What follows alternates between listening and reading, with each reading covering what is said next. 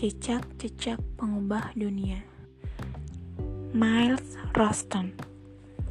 Diterbitkan oleh Creative Imprint of Tiga Serangkai. Pendahuluan. Sepatu Impian. Sekitar 30 tahun yang lalu, di Buriram, sebuah provinsi di Thailand, hidup seorang gadis kecil yang tak pernah beralas kaki bernama Kwan Siri Chanakiat atau biasa dipanggil Siri. Ia tinggal di desa penghasil beras. Di kedua sisi jalan yang masih tanah, berderet rumah-rumah kecil yang kebanyakan merupakan gubuk reot, seperti rumah keluarganya.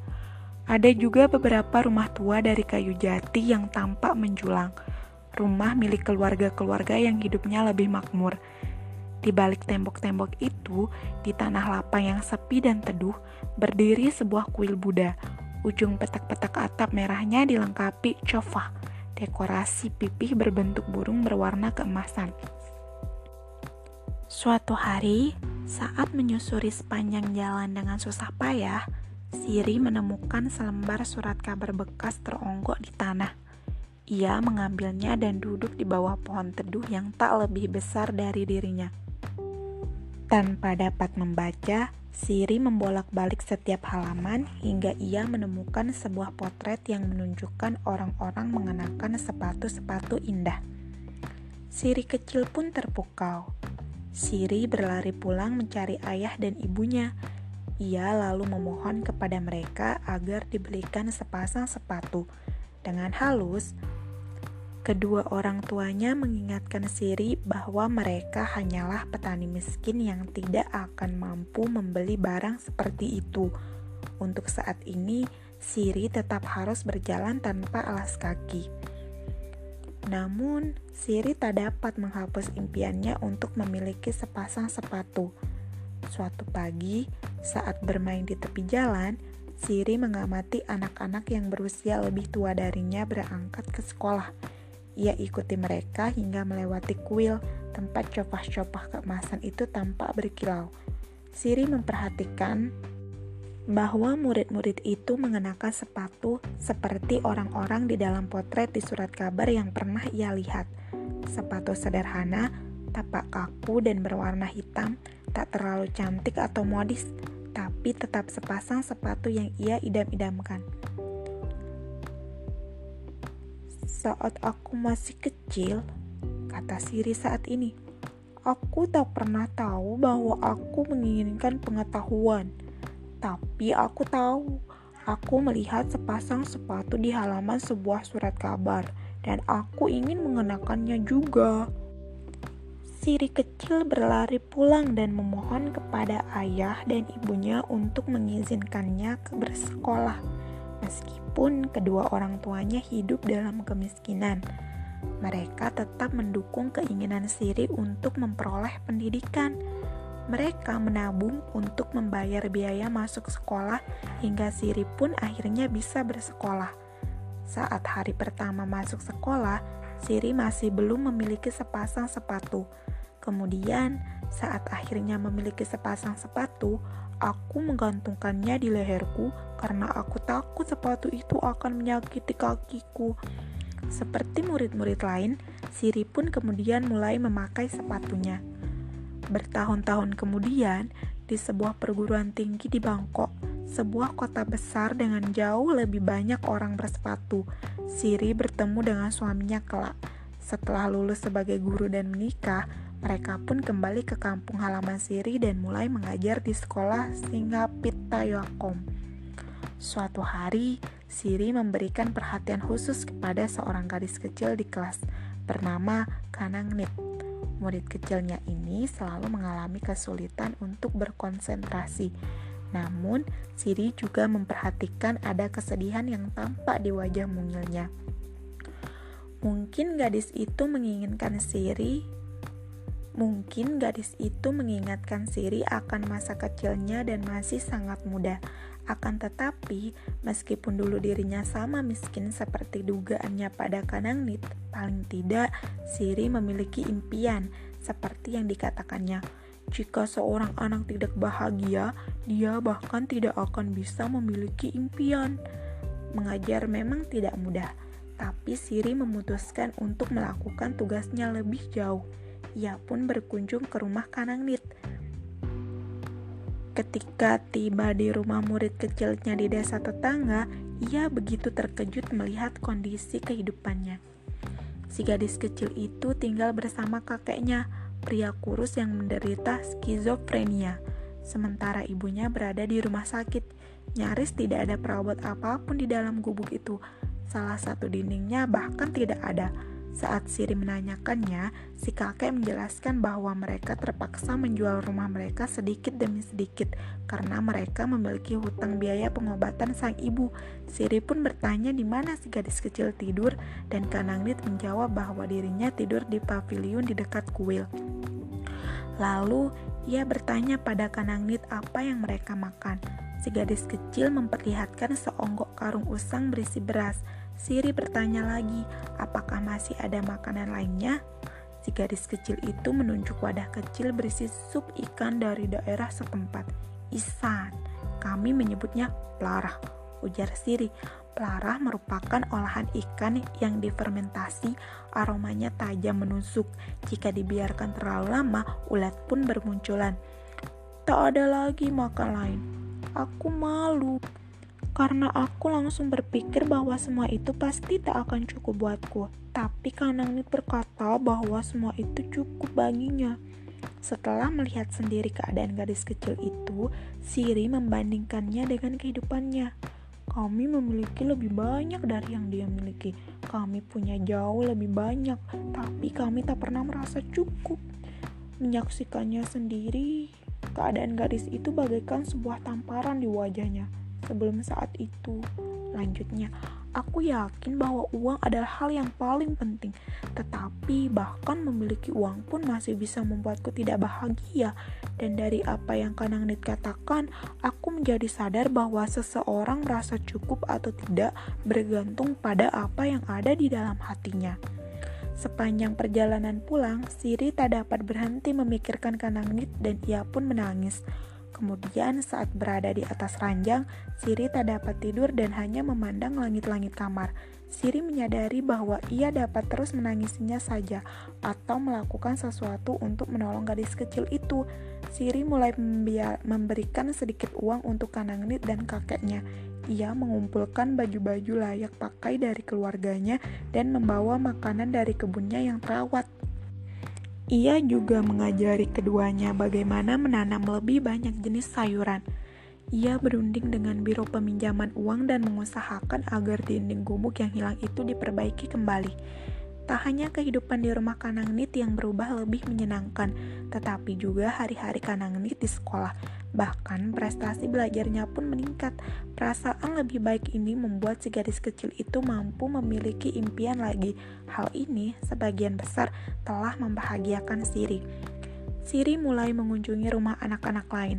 Anak-anak yang ia perhatikan sering melakukan kenakalan di kelas Kebanyakan dari mereka memang miskin dan keluarga mereka sedang dalam kesulitan. Dengan bantuan Siri, kehidupan mereka di rumah dan di sekolah pun membaik. Kemudian, Siri mulai membagi metodenya yang sederhana dan tepat sasaran kepada para guru dan murid-murid dari kelas lain.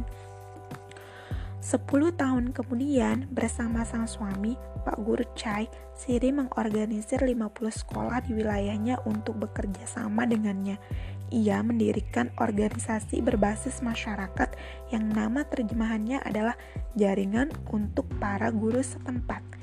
Siri mengimbau para guru untuk mengadakan kunjungan ke rumah-rumah muridnya.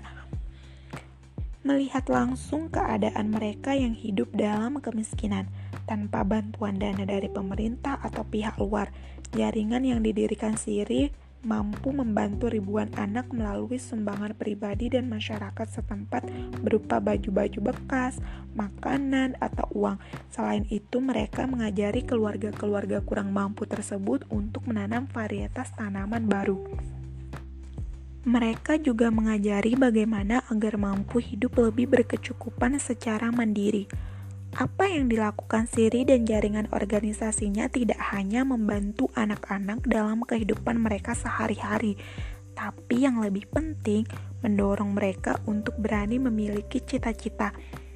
Apakah ingin menjadi petani, guru, dokter, atau bahkan astronot? Aku punya impian masa kecil, yakni ingin mendapatkan pendidikan sehingga aku bisa memakai sepatu, kata Siri itu memang hanya impian anak kecil, tetapi impian semacam itu merupakan hal serius bagi anak kecil. Meskipun tampaknya hanya omong kosong, impian itu bertindak sebagai penyemangat. Aku ingin membantu setiap anak untuk memiliki impian. Siri memiliki keberanian untuk menginginkan sepasang sepatu dan berusaha mendapatkannya, dan itu berarti ia bisa pergi ke sekolah akan tetapi, tak seperti kebanyakan orang yang berusaha mencapai tujuan pribadinya, Siri justru mengabdikan hidupnya untuk menginspirasi banyak anak lain meraih cita-cita mereka. Awalnya, ia dan guru-guru lain dalam jaringannya hanya bergantung pada sumber daya mereka sendiri. Kini, pemerintah dan organisasi-organisasi luar lain mulai memberi perhatian pada hasil luar biasa yang mereka capai, juga pada metode sederhana tentang kepedulian mereka terhadap lebih banyak orang di kawasan lain di Thailand.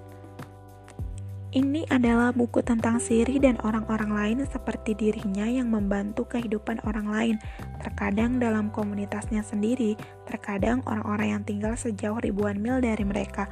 Orang-orang seperti sepasang suami istri kelas pekerja yang membangun peternakan binatang untuk anak dari perkampungan kumuh di Amsterdam, atau seorang arsitek terkenal yang telah membangun resor mewah dan bertanggung jawab terhadap lingkungan di Cina.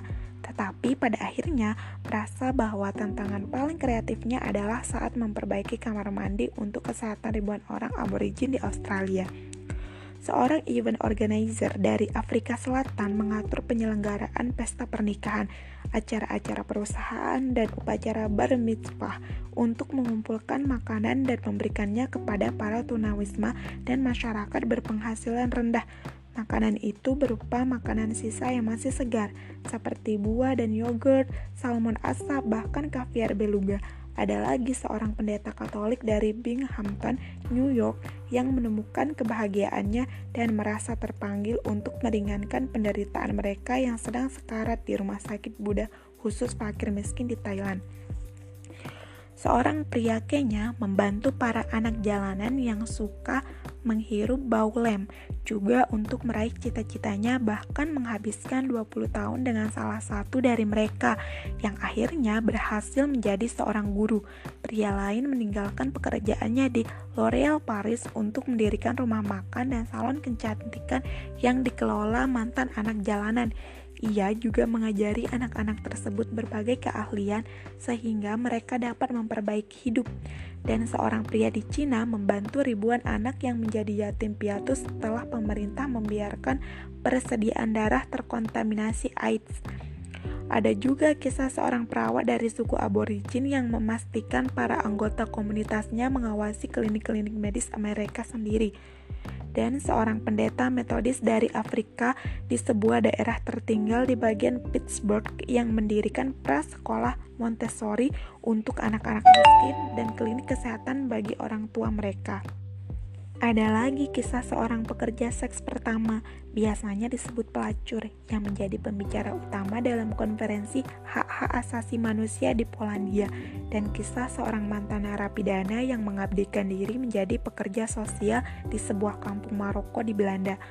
Ada pula kisah seorang pria di Inggris yang mengalihkan kecintaannya pada dunia sepak bola untuk mengubah kehidupan para tunawisma di seluruh dunia dan kisah pemberontak yang diasingkan dari Darfur tak seperti para pendukung revolusioner lain. Ia bersedia mendengarkan suara pendukungnya daripada memaksa mereka untuk mendengarkannya.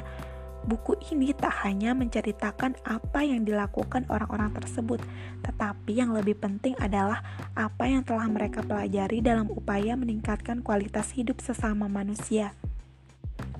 Buku ini juga bercerita tentang apa yang terjadi jika seseorang bersedia memberikan bantuan.